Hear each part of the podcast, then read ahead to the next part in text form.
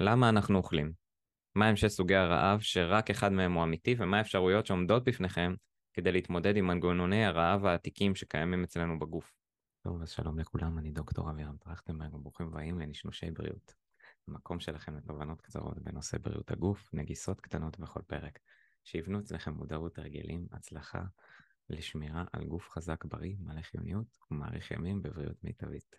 פתיח ומתחילים.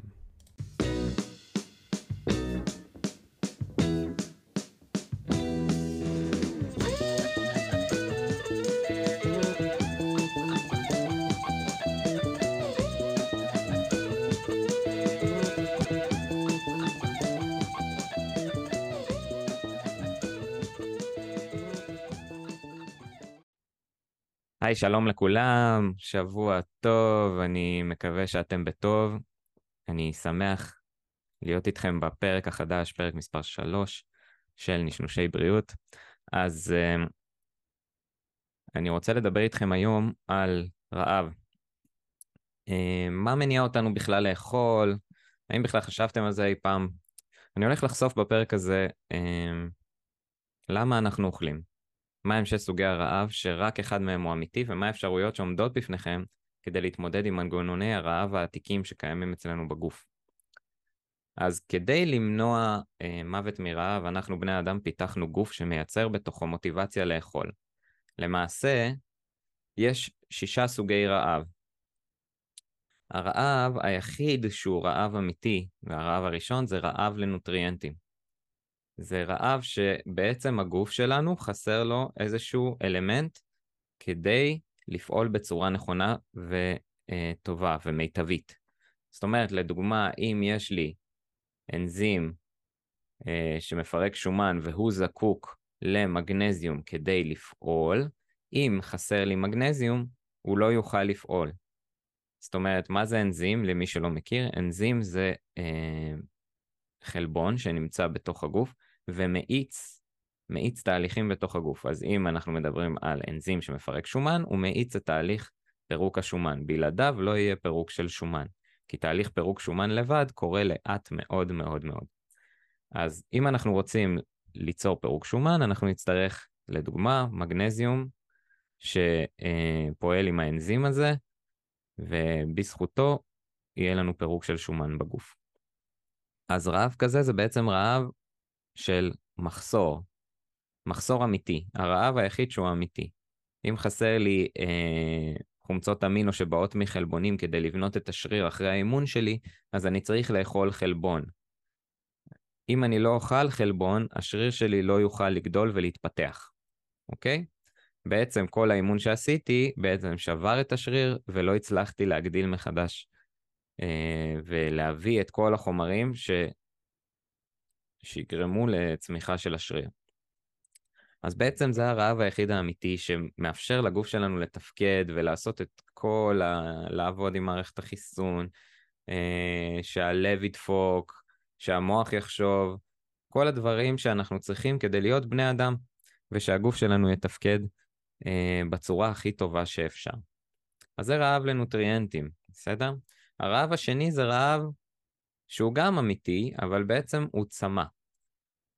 אה, צמא הוא גם סוג של רעב, כי לפעמים צמא מתחזה לרעב.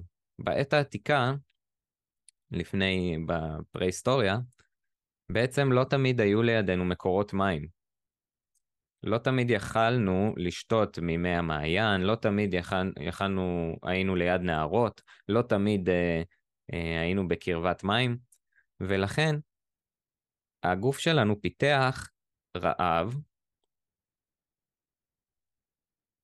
כי בפירות וירקות ומה שקיים בטבע, ברובו יש מים.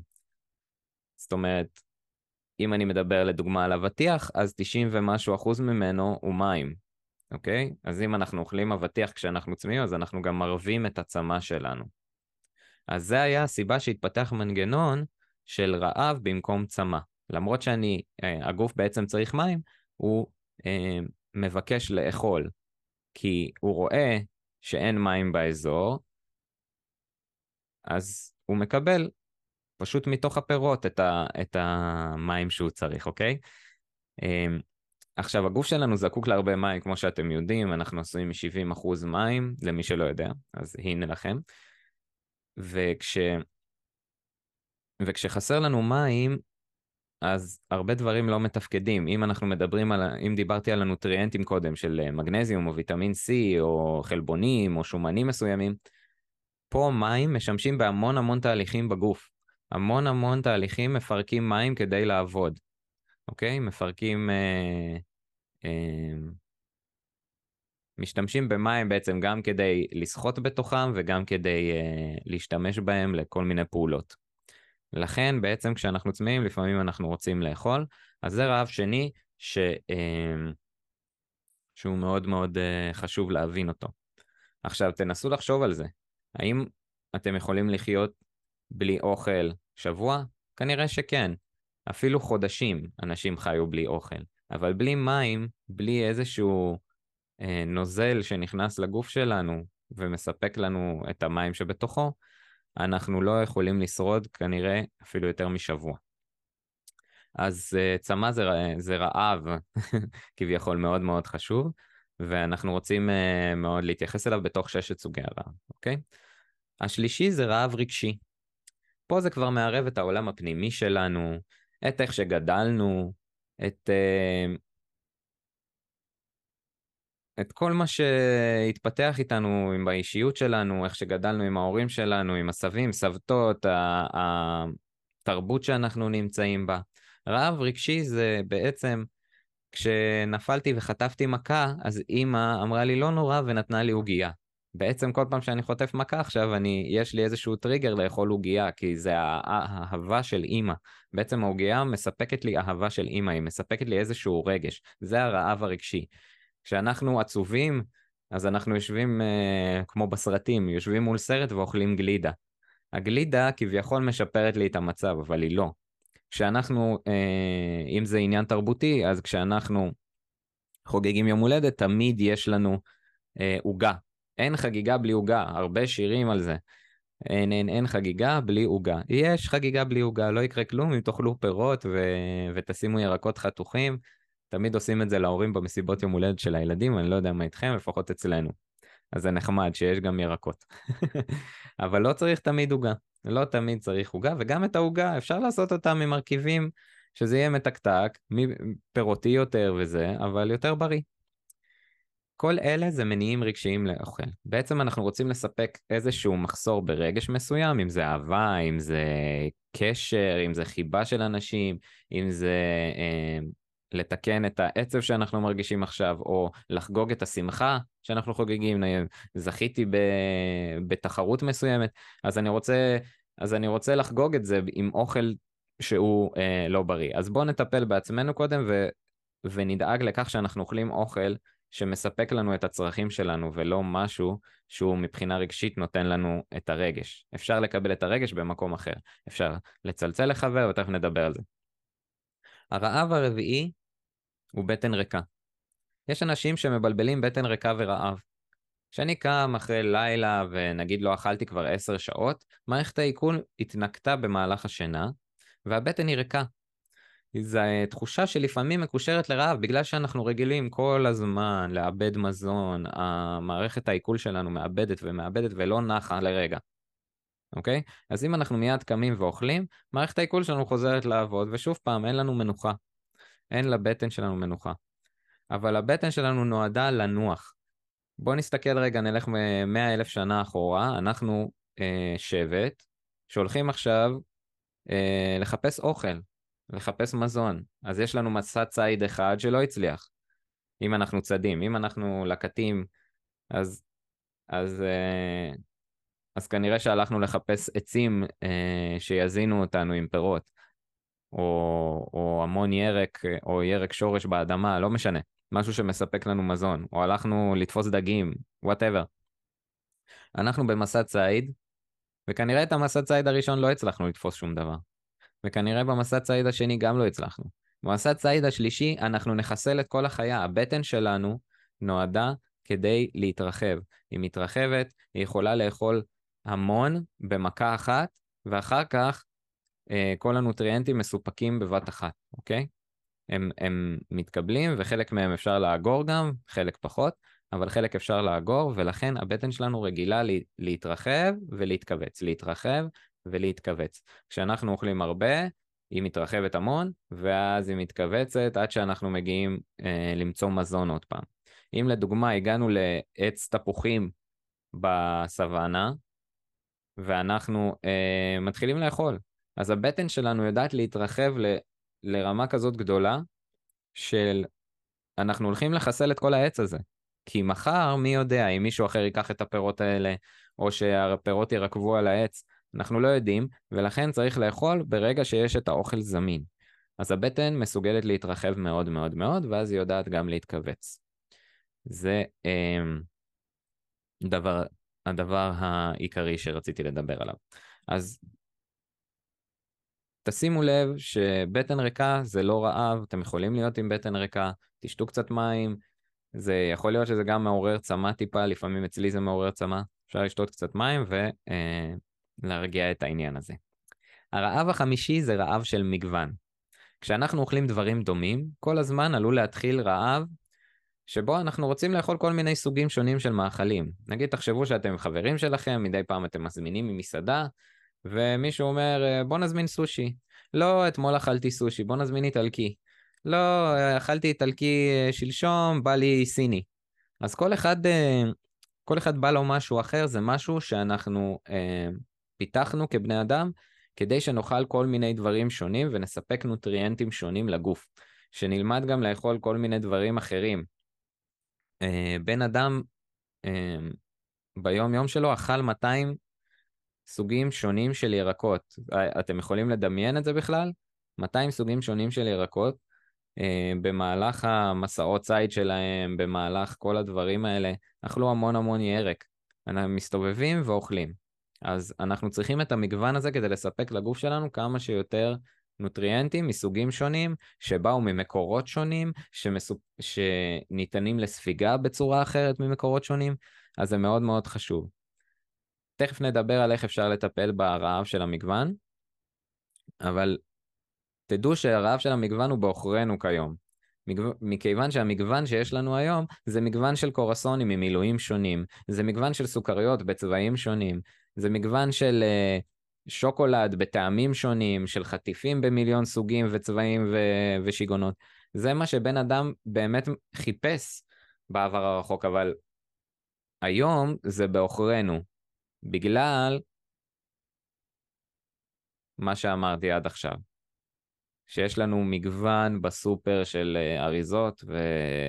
וצבעים וגוונים, אבל הדברים עצמם הם לא בריאים לנו, הם לא משהו שהגוף שלנו זקוק לו, אלא משהו שמספק לנו את הטעמים הטובים ומייצר לנו דופמין במוח. מייצר לנו את ההורמון שמספק לנו אה, פיצוצים של הנאה וכיף. אז הרעב הבא אז הבנתם למה אני מתכוון, והרעב הבא זה סוכר נמוך בדם. כאשר אני רוצה שתבינו שבגוף שלנו יש שתי אפשרויות ל... ל... להשיג קלוריות. זה מסוכר ומשומן.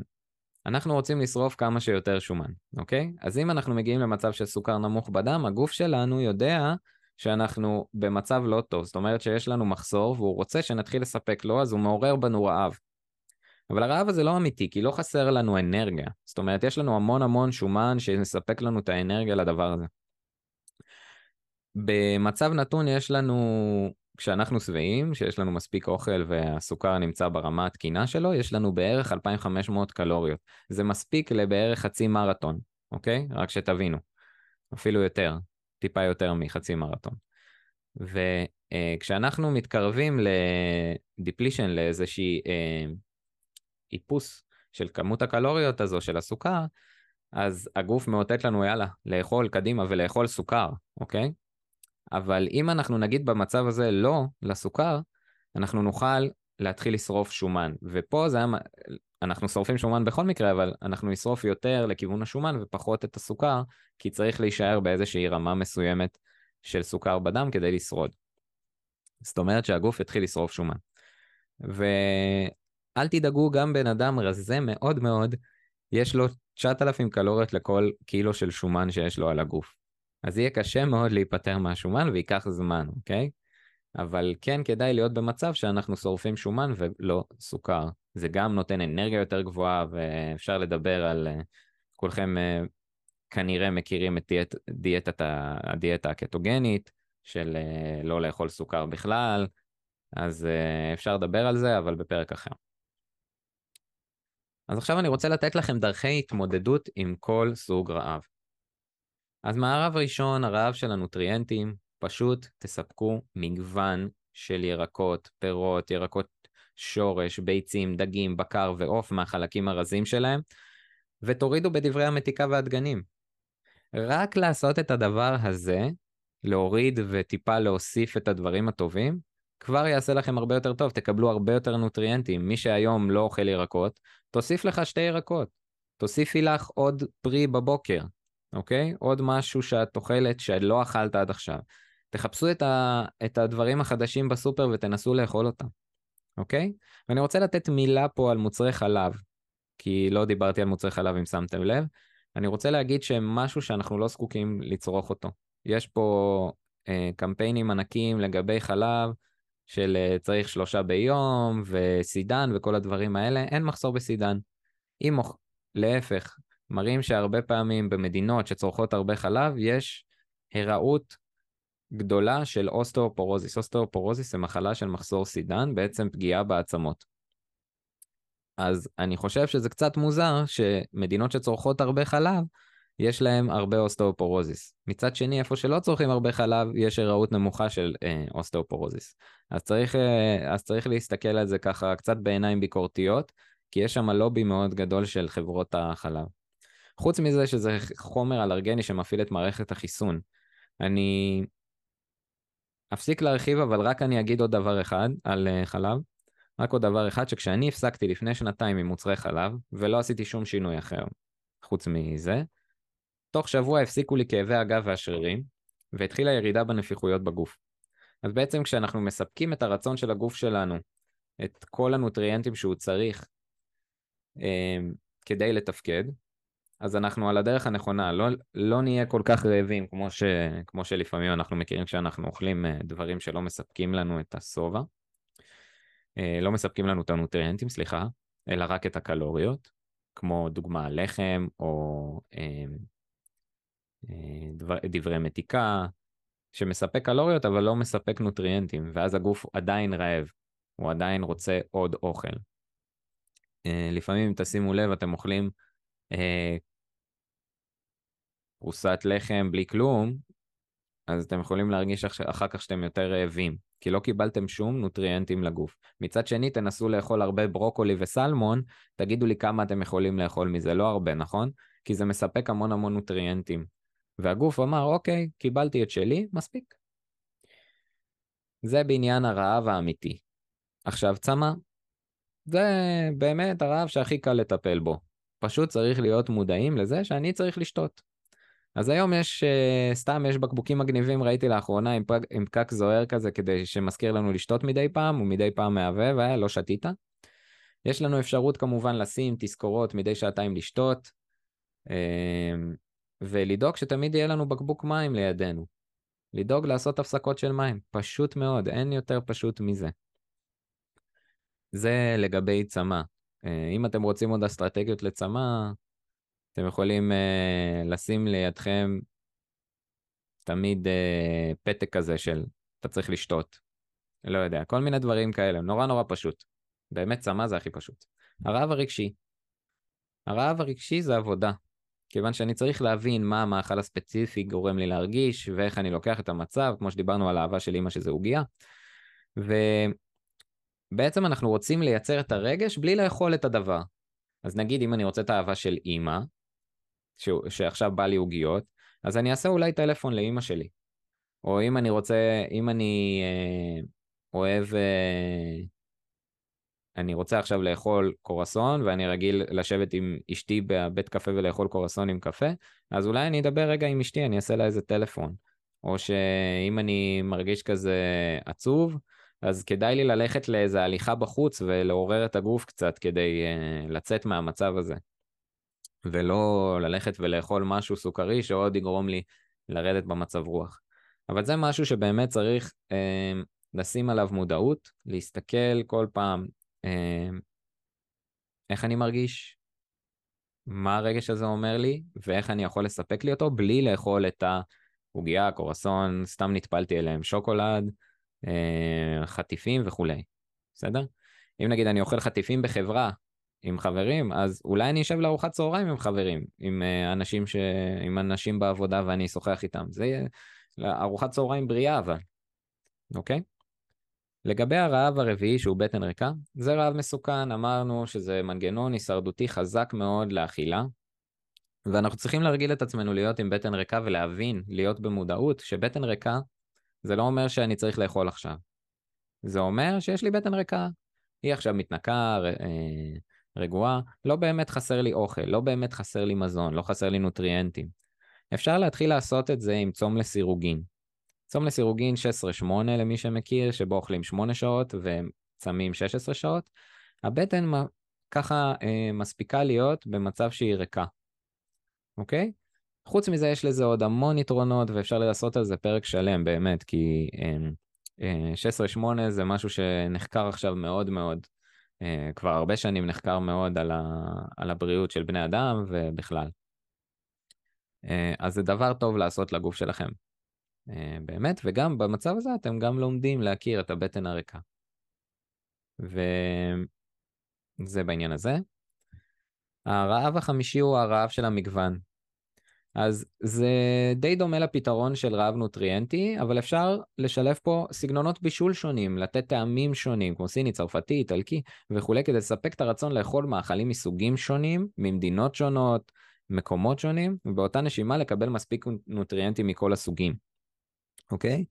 זה, במצב הזה אתם יכולים לחקור כל מיני שיטות של בישול, ותעשו מזה כיף, תחפשו מרכיבים שלא השתמשתם בהם בסופר, אה, אה לא בסופר, זה...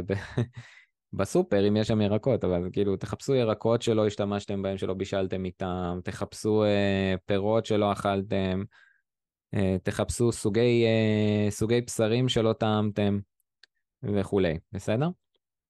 אז זה מבחינת הרעב של המגוון, מה אפשר לעשות. ומבחינת סוכר נמוך זו הנקודה קשה וזאת עבודה באמת יומיומית. של להימנע מסוכר לא טוב. להבין שהרצון הזה לאכול מגיע ממקום של חסר, שלא קיים, לא באמת חסר לכם אנרגיה.